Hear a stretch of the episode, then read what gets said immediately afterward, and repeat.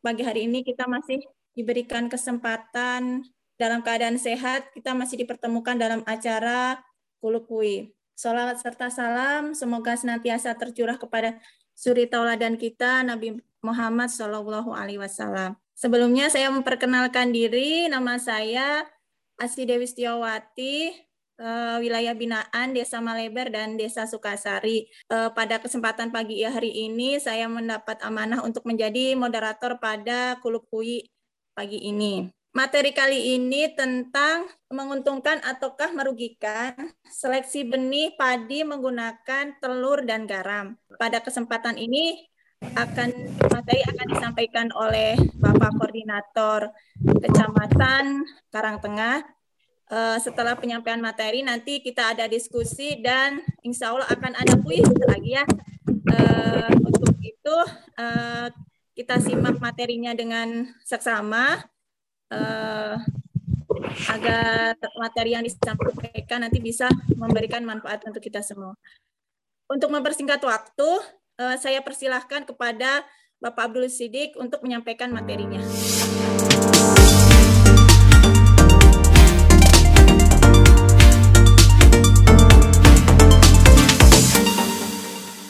Terima kasih. Terima kasih pagi-pagi sudah memandu acara. Bismillahirrahmanirrahim. Alhamdulillahirabbil wabihi nasta'in. Wa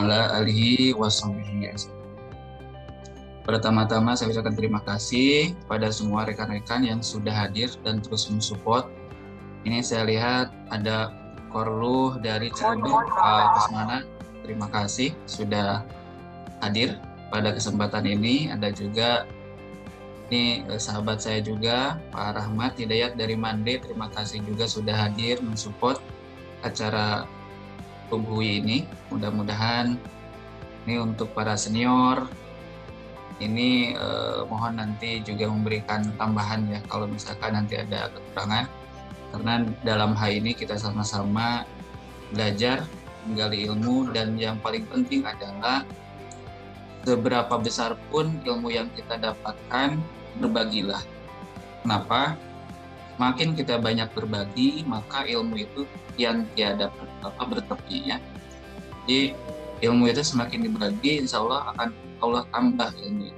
Karena kalau misalkan kita pagi-pagi sudah e, berbagi, bersedekah, bersedekah bukan hanya makanan, bukan hanya e, uang, bukan hanya e, apa namanya ke materi bukan. Tapi ketika kita juga berbagi ilmu itu juga adalah sedekah ya.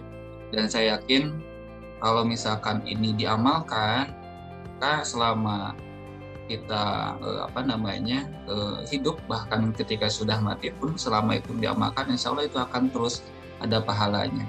Makanya jangan pernah lelah untuk berbagi jangan pernah dibatasi waktu untuk berbagi ya jadi memang sebenarnya bisa kita eh, bayangkan bahwa hari ini adalah hari libur, gitu ya. Tapi untuk berbagi tiada hari libur bagi kita itu. Jadi uh, untuk berbagi ilmu tiada hari libur bagi kita. Para penyuluh terutama dalam membimbing uh, para petani ya, membimbing para petani kita yang kita cintai.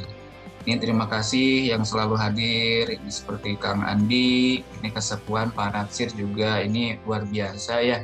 Jadi bukan hanya uh, apa namanya eh, anak-anak muda, tapi ada yang berjiwa muda. Oke, oh, inilah luar biasa. Ini penafsir Sebuah luar biasa. Ini terima kasih uh, sudah hadir pada kesempatan uh, kali ini ya.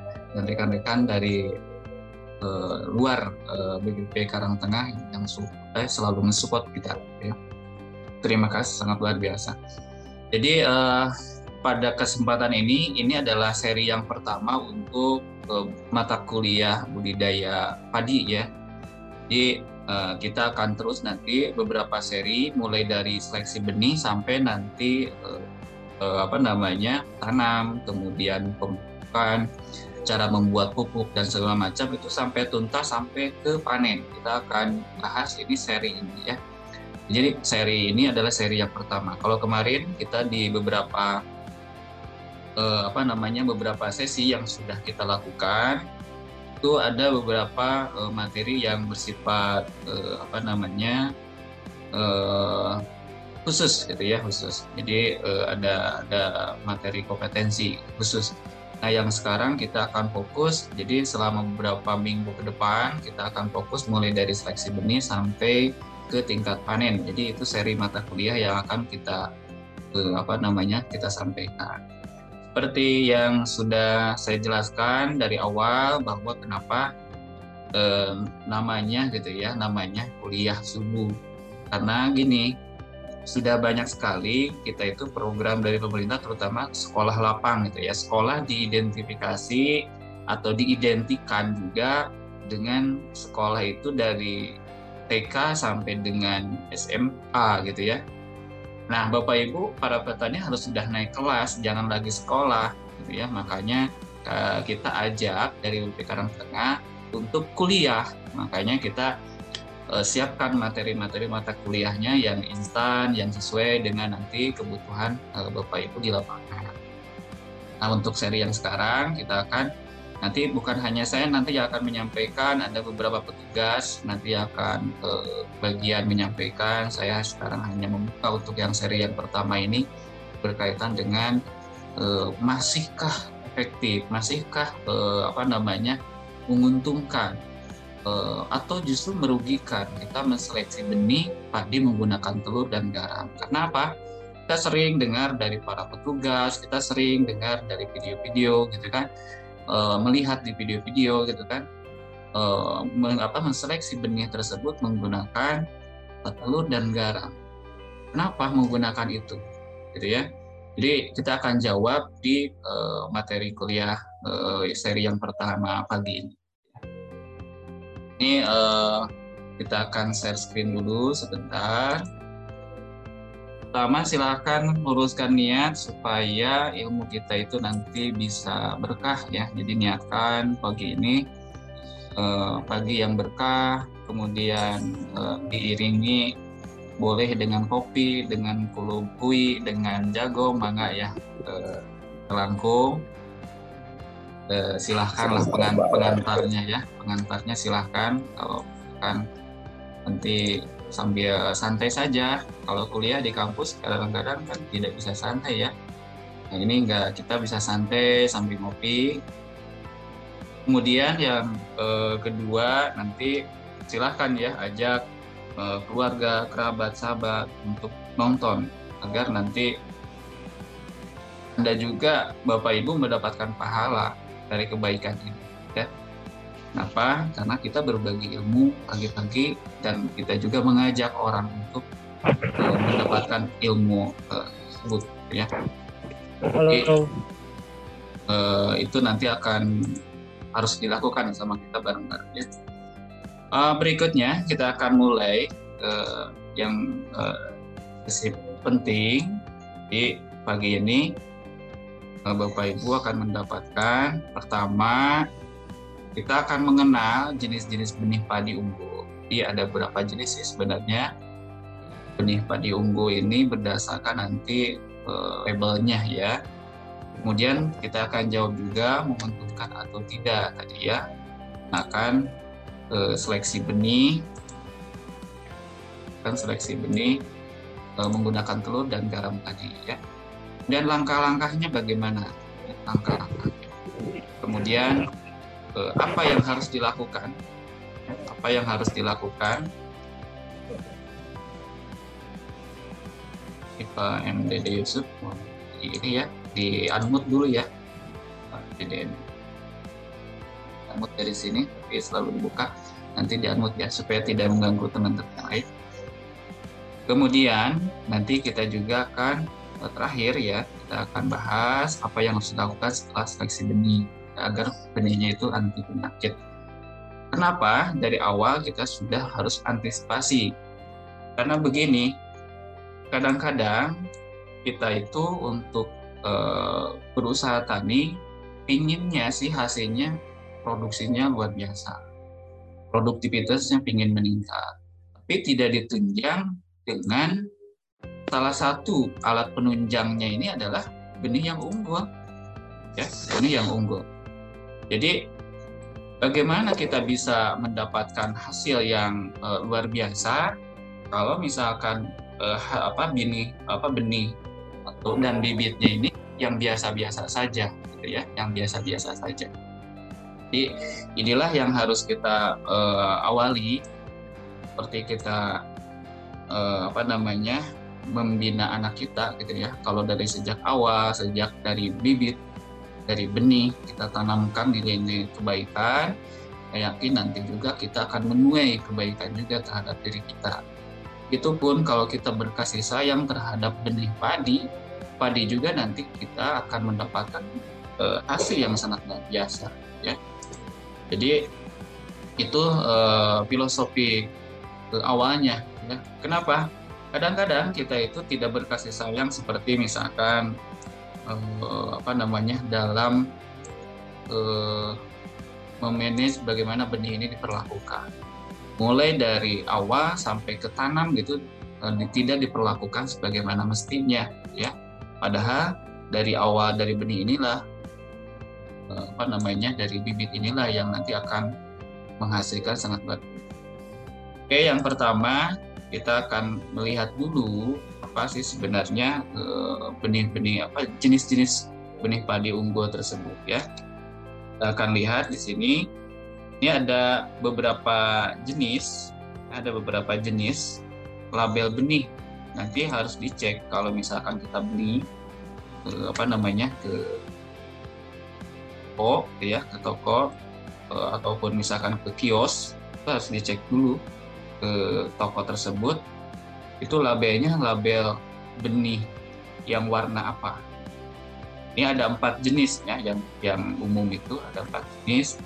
Tapi yang banyak di pasaran itu adalah yang benih sebar yang warna biru ini. Ya. Ini ada benih dasar, ada benih pokok, ada benih sebar ya. Jadi eh, ada beberapa perbedaan di dalam eh, apa namanya di dalam warna tersebut ya. Ada beberapa perbedaan di dalam warna tersebut. Dia ada benih kuning itu uh, benih kuning itu adalah benih penjenis. Nah biasanya ini adalah uh, benih yang jarang uh, dikeluarkan ya atau jarang beredar di lapangan. Kenapa? Karena ini biasanya adalah ada di dalam uh, pemulia, jadi masih ketat ya. Jadi biasanya masih dalam pengawasan pemulia tanaman. Jadi jarang dikeluarkan biasanya untuk yang eh, jenis yang warna kuning ini ya. Kemudian ada juga yang warna putih. Nah, ini. Ya. Jadi yang warna putih ini yang warna putih itu adalah benih dasar. Jadi benih ini biasanya diturunkan dari benih penjenis yang warna kuning tadi ya ini uh, sifat kemurniannya tinggi. Nah kemarin ada beberapa bantuan uh, ke para kelompok ya yang mendapatkan benih dasar ini. Nah ini luar biasa gitu ya. Kenapa? Karena benih uh, golongan ini pertama mahal biasanya, kemudian dapat ditanam berulang kali. Ya. Kalau yang warna putih ini. Kemudian ada ya juga yang warna ungu ya. Jadi kalau yang warna ungu itu adalah benih yang warna ungu ini adalah benih pokok. Yang benih pokok itu bagaimana? Yang benih pokok ini biasanya adalah turunan ketiga dari uh, kelas benih uh, dalam sistem sertifikasi. Jadi uh, apa namanya benih ini juga baik gitu ya, uh, kemurnian kemurnian juga tinggi ya, tapi tingkatannya tingkatan ketiga.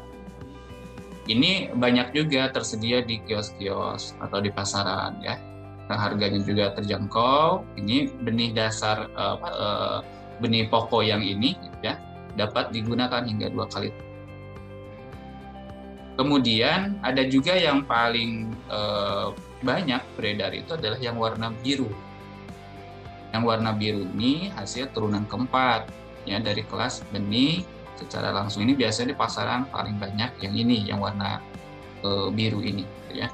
Biasanya label biru ini uh, harganya juga uh, terjangkau gitu ya. Uh, dan ini biasanya uh, apa namanya benih ini cocok ya cocoknya ditanam satu kali masa tanam. Tapi kadang-kadang petani kan sering menggunakan beberapa kali ya ngalean gitu ya ngalean karena nanti hasilnya pun kadang-kadang berhasil kadang-kadang tidak karena memang tidak disarankan ya kalau yang warna uh, label benih ini yang warna biru itu dijadikan benih kembali. Jadi sok ayah kan Bapak Ibu ah senang kemarin guys sok ngangein pari 32 dan no label biru eta di ange di Bapak eta teh di alian di ya boleh-boleh saja tapi tadi hasilnya tidak akan maksimal ya. Jadi dengan mengenal jenis benih ini ya label benih ini kita akan paham oh ternyata yang harus kita beli itu, yang harus kita tanam itu memang harus diawali dari yang unggul. Nah, kita itu kadang-kadang berharap hasil yang unggul, tapi tidak menggunakan benih yang unggul. Nah, itu satu hal yang mulai e, menyalahi gitu ya, menyalahi dari segi e, keinginan. Jadi kalau misalkan kita berharap yang besar, tentu usahanya juga harus besar kita ingin cita-citanya yang tinggi, ya usahanya pun harus tinggi, ilmunya pun harus tinggi, e, menyesuaikan dirinya juga harus tinggi. Ya, begitupun ketika kita berbudidaya apa e, padi ini, kalau mendapatkan atau menginginkan, cita-citakan kita para petani ini, berharap para petani ini mendapatkan hasil yang unggul, produktivitasnya yang tinggi, ya produksinya juga yang meningkat Berarti kita harus awali terlebih dahulu dengan pemilihan benih padi ini, ya, dengan cara melihat labelnya. Nah, ini kadang-kadang yang tidak diawali eh, apa namanya oleh para petani. Jadi niat awal kita sebelum budidaya inilah yang harus kita perhatikan, ya. Nah, eh, berikutnya, berikutnya, bagaimana sebenarnya kita memulai eh, menseleksi benih kenapa sih harus menggunakan garam, kenapa kita harus menggunakan telur, gitu ya. Nah, dan kenapa kita harus uh, apa namanya harus menggunakan eh, hal-hal ini untuk menseleksi benih? Karena begini, ketika kita mendapatkan benih unggul sudah berlabel, kadang-kadang ketika kita cek itu masih ada yang setengah isi, ya seperempat isi, tidak semuanya full.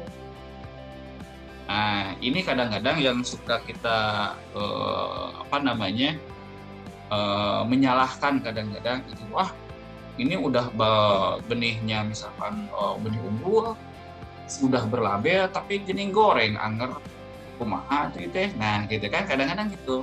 Padahal ada tahapan kedua setelah kita itu mendapatkan benih yang unggul tadi yaitu harus diseleksi dulu. Kenapa? Karena dalam satu kantong itu itu tidak seluruhnya memang tadi full gitu kan? Ada misalkan bulir padinya itu 100% full gitu ya.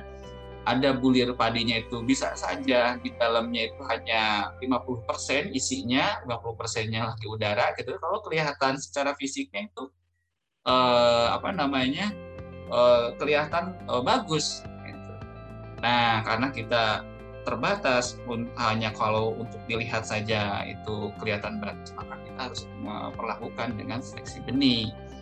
Apa saja yang harus kita siapkan? Jelas yang pertama adalah benih unggul yang harus kita siapkan. Kemudian ada garam kemudian ada wadah air ya. Di wadah air ini kita siapkan uh, boleh satu boleh dua ya. Uh, terserah. Kalau ini uh, kita siapkan. Yang pertama ini untuk yang dicampur dengan air garam. Ini yang kedua adalah untuk yang memisahkan. Memisahkan apa namanya hasil dari pencampuran ini. Boleh dipisahkan lagi ke sini atau boleh langsung dibuang sebenarnya. Tapi kalau misalkan mau melihat bagaimana benih tersebut sebenarnya itu apa namanya uh, setengah isi atau seperempat isi maka bisa siapkan gitu ya untuk untuk menguji. Jadi kalau contoh ini ada wadah 10 liter misalnya kapasitasnya wadah ini isi saja 8 liter. Jadi sisakan uh, 2 liter ya supaya nanti tidak terlalu penuh tidak harus semuanya truk langsung masuk ke sini. Jadi misalkan uh, eh, 2 liter dulu, satu liter dulu, atau satu kilo dulu, nanti sesuaikan kapasitas ini. Kemudian kalau misalkan eh, apa namanya sudah selesai, ini bisa digunakan ulang. Jadi jangan dibuang dulu, misalnya uh, dibuang lagi, kemudian isi lagi di uh, apa larutan garamnya ini diisikan lagi, nggak usah seperti itu. Jadi untuk yang uh, larutan garam ini bisa digunakan uh, beberapa kali sampai dengan uh, selesai atau beres uh, apa namanya uh, benih yang akan kita gunakan. Jadi yang pertama tadi persiapkan, kedua garam. Garam ini untuk kapasitas uh, 10 liter atau 8 liter ini uh, bisa gunakan 1 kilo. Ini bisa beli garam garamnya seperti ini ya, garam ya untuk di dapur bisa. Pakai garam yang bata boleh kan? Boleh. Ya. Nah, kenapa? Karena uh, kalau misalkan ini menggunakan garam, kita tidak menggunakan air uh, biasa, gitu ya. Begini, ketika kita menggunakan air biasa, ketika kita masukkan eh, apa namanya eh, satu benda ke sini eh, satu benda ke air ini ini dia akan tetap eh, apa namanya turun ke bawah.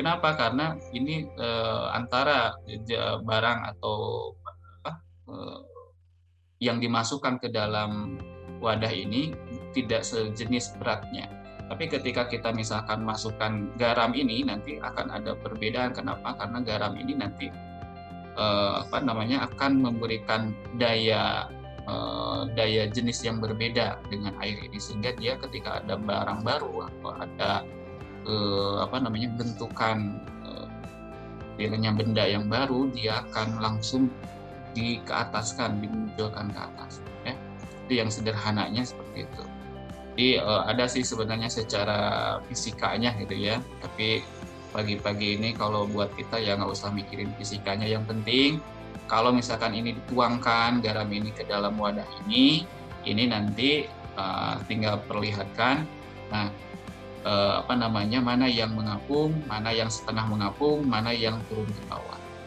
Kemudian tadi ada air dengan wadahnya kemudian ada telur.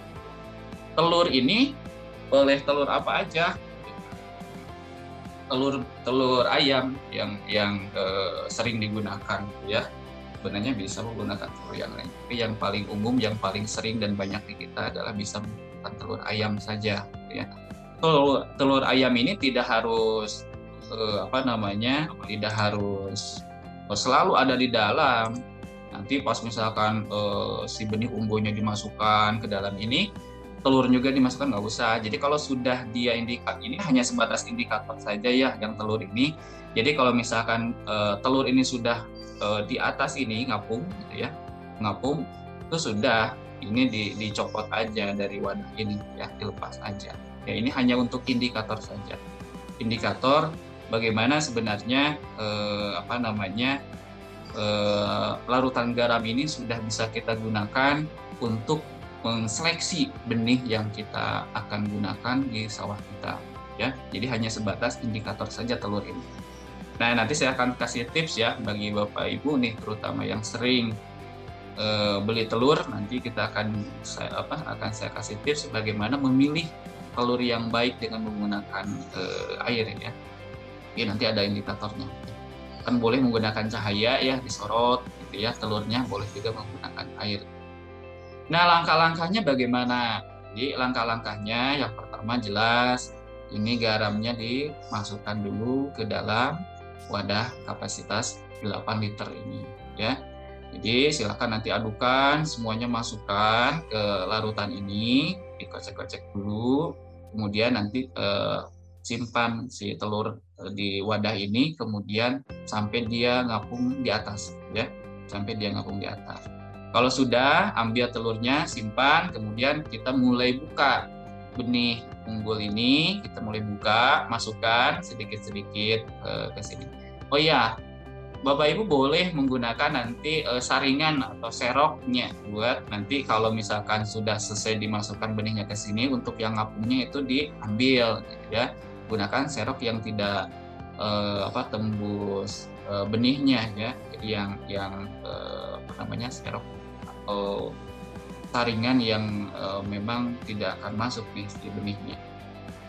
Nanti masukkan benihnya ke sini, ke wadah ini, ke kapasitas tadi yang 8 liter. Gak usah semuanya dulu, tadi sedikit-sedikit saja. Kemudian lihat, nanti Bapak Ibu akan mendapatkan uh, tiga elemen. Satu elemen yaitu yang paling bawah, ini si benihnya itu ada di paling dasar. Yang kedua ada yang di tengah. Yang ketiga ada di yang paling atas. Nah, tiga elemen ini yang paling bagus untuk tanaman kita yang mana? Untuk uh, di sawah kita yang mana? Benih yang mana? Yang ada di dasar. Nah, kenapa? Karena kalau yang di tengah itu berarti yang setengah isi tadi. Kelihatannya bagus, mulus, sempurna, padahal setengah isi dia itu. Jadi yang sisanya yang sisanya lagi itu adalah udara. Jadi kalau misalkan kita itu buka gitu ya kalau kita buka di dalamnya itu pasti uh, ada uh, hanya setengahnya saja atau seperempat saja yang paling atas jelas uh, itu tadi ada yang seperempatnya bahkan bisa jadi kosong gitu ya yang kosong nah yang ada di level ke uh, pertama yang ke satu di sini yang paling atas dan yang di tengah inilah yang dibuang ya yang dibuang jadi nanti kocek-kocek dulu, kemudian masukkan sampai turun ke bawah ya, turun ke bawah. Yang paling dasar simpan dulu, kemudian nanti eh, apa namanya di diserok dulu yang eh, atas dan yang tengahnya. Nanti boleh diuji dimasukkan ke yang ember kedua ini. Saya yakin yang tadi di eh, setengahnya ini kita udah uji coba ya yang setengahnya ini yang ada di level kedua ini yang ada di tengah ini dia akan tenggelam kalau dalam lautan air.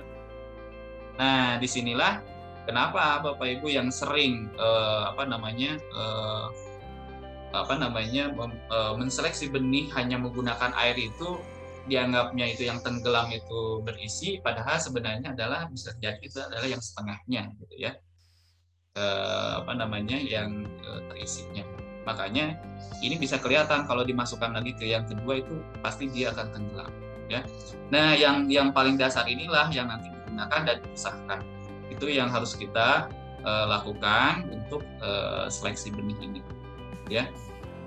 Uh, kemudian uh, berikutnya adalah kalau misalkan ini sudah dikeluarkan semua, kemudian boleh digunakan lagi? Boleh. Jawabannya boleh. Ini nanti digunakan lagi, masukkan lagi ke sini, nanti terus ulangi sampai nanti selesai, ya, sampai nanti Nah, itu cara sederhana kita menggunakan e, garam.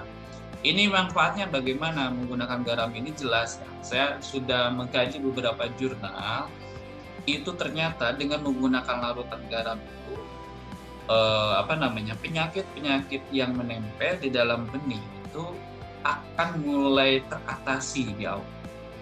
Apa?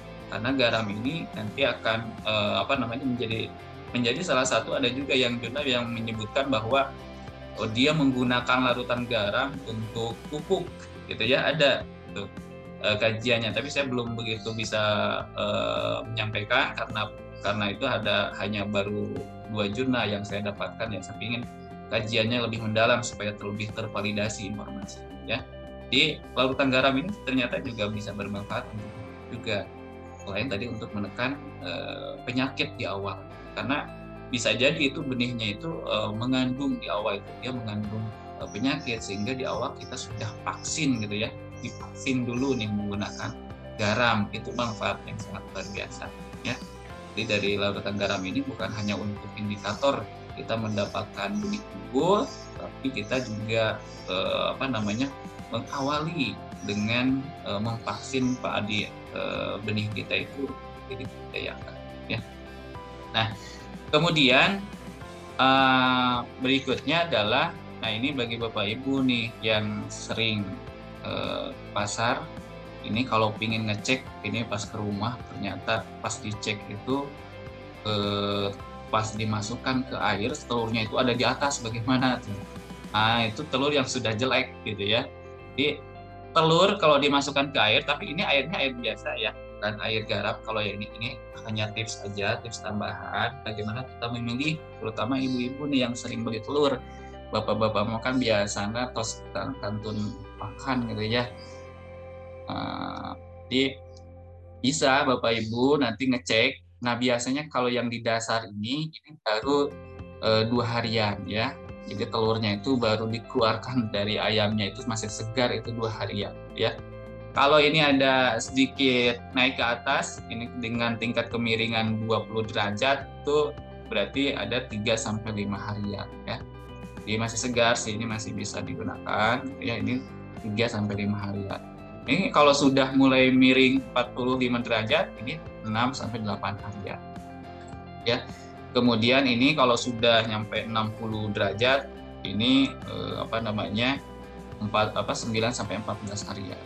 Tapi kalau misalkan e, berdiri sudah mulai berdiri e, si telurnya itu, jadi si ujungnya itu jadi ke atas, berarti itu sudah nyampe 30 harian. Tapi kalau yang sudah ke atas seperti ini, ini berarti sudah satu bulanan ya, sudah satu bulanan e, apa namanya sudah tidak segar lagi sebenarnya tidak dianjurkan ya karena berarti pas is orang mengintinya si telur atau stilis. Jadi eh, itu langkah-langkah sederhana ya langkah-langkah sederhana bagi uh, kita untuk uh, nanti menseleksi benih ya bisa sebenarnya kita ngalayan gitu ya ngalayan tapi memang ada ilmunya gitu ya. Jadi ada eh, sudah ada sih beberapa petani gitu ya sudah ada beberapa petani yang sudah diajarkan bagaimana eh, apa namanya eh,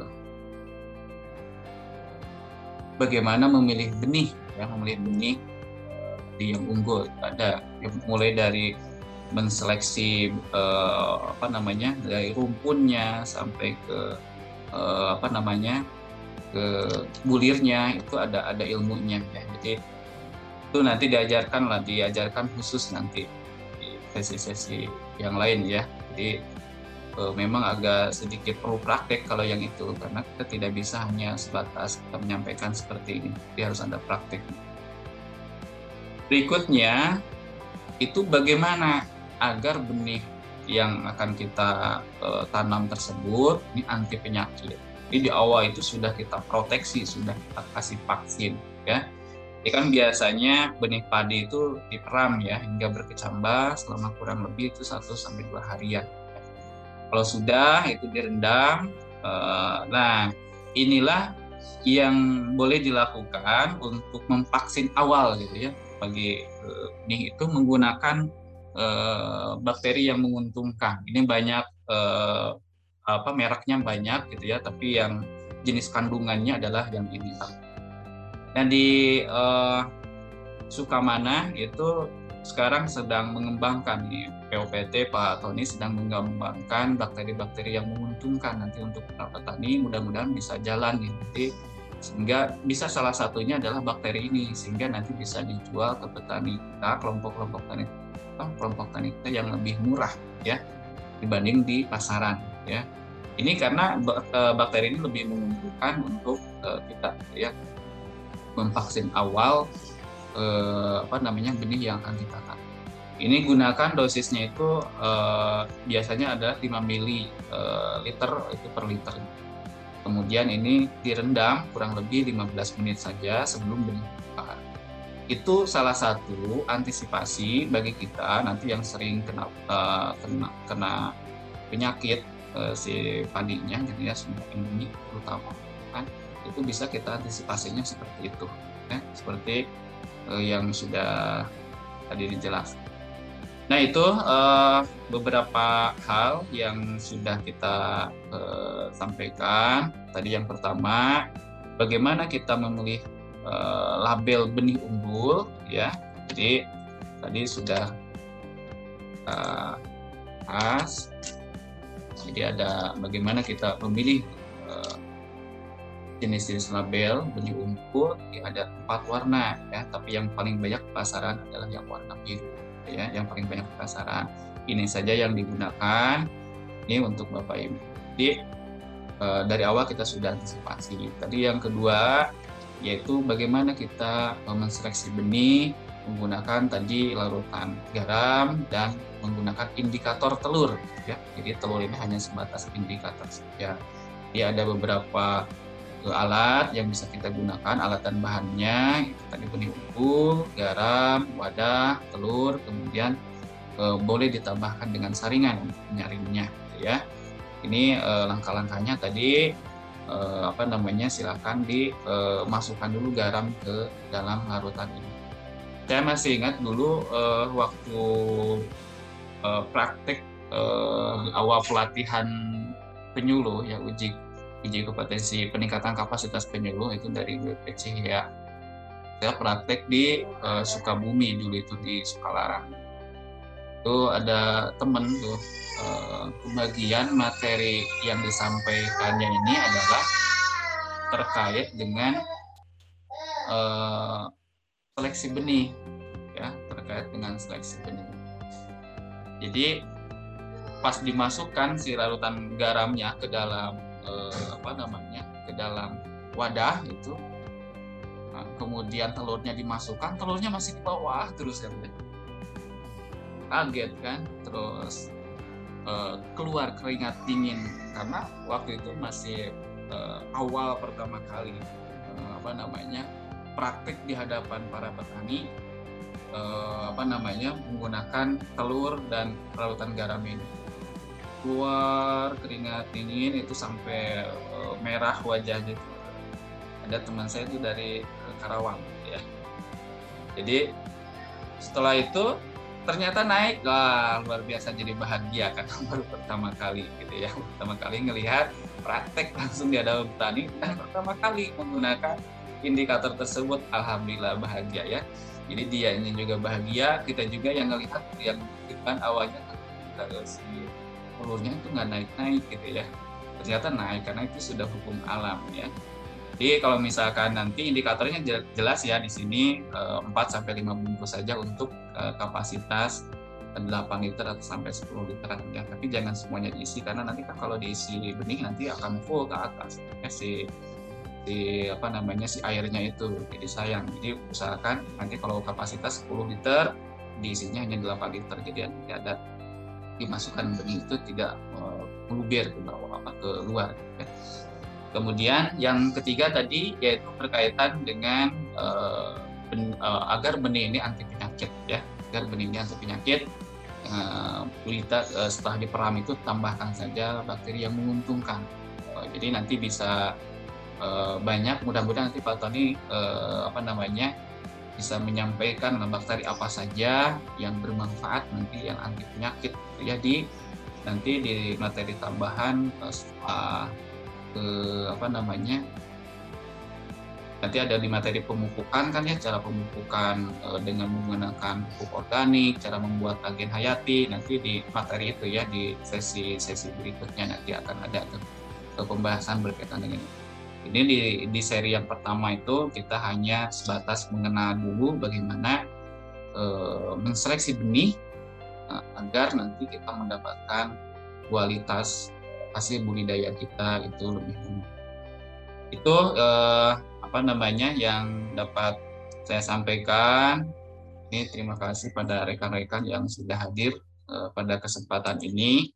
Nanti uh, ini ada beberapa orang ini totalnya ada 26 orang ya biasanya kan 25 23 biasanya ya setiap uh, sesinya ini ada 26 orang alhamdulillah terima kasih yang sudah hadir pada kesempatan ini ya yang sudah hadir pada kesempatan ini. Nah itu saja Mbak Asih yang dapat saya sampaikan. Terima kasih. Uh, mudah-mudahan 10 menit ilmu yang penting bisa kita praktekkan. Bukan hanya banyak ilmu itu ya sedikit tapi bisa kita praktekkan. Jangan sampai kita itu kebanyakan ilmu tapi sedikit yang teramalkan gitu ya. Termasuk di petugas juga kadang-kadang terlalu banyak ilmu tapi sedikit yang tersampaikan. Eh, yang paling penting adalah nggak apa-apa sedikit ilmunya juga tapi banyak disampaikan. Nah, atau yang bagus itu memang banyak ilmunya, tapi juga banyak juga mengamalkannya, banyak juga menyampaikannya kepada yang berhak, ya yang berhak. Nah itu uh, yang dapat uh, saya sampaikan. Kami haturkan ucapan terima kasih kepada semua pecinta Kulub Hui yang sudah hadir dan menyimak. Selamat beraktivitas dan salam jumpa.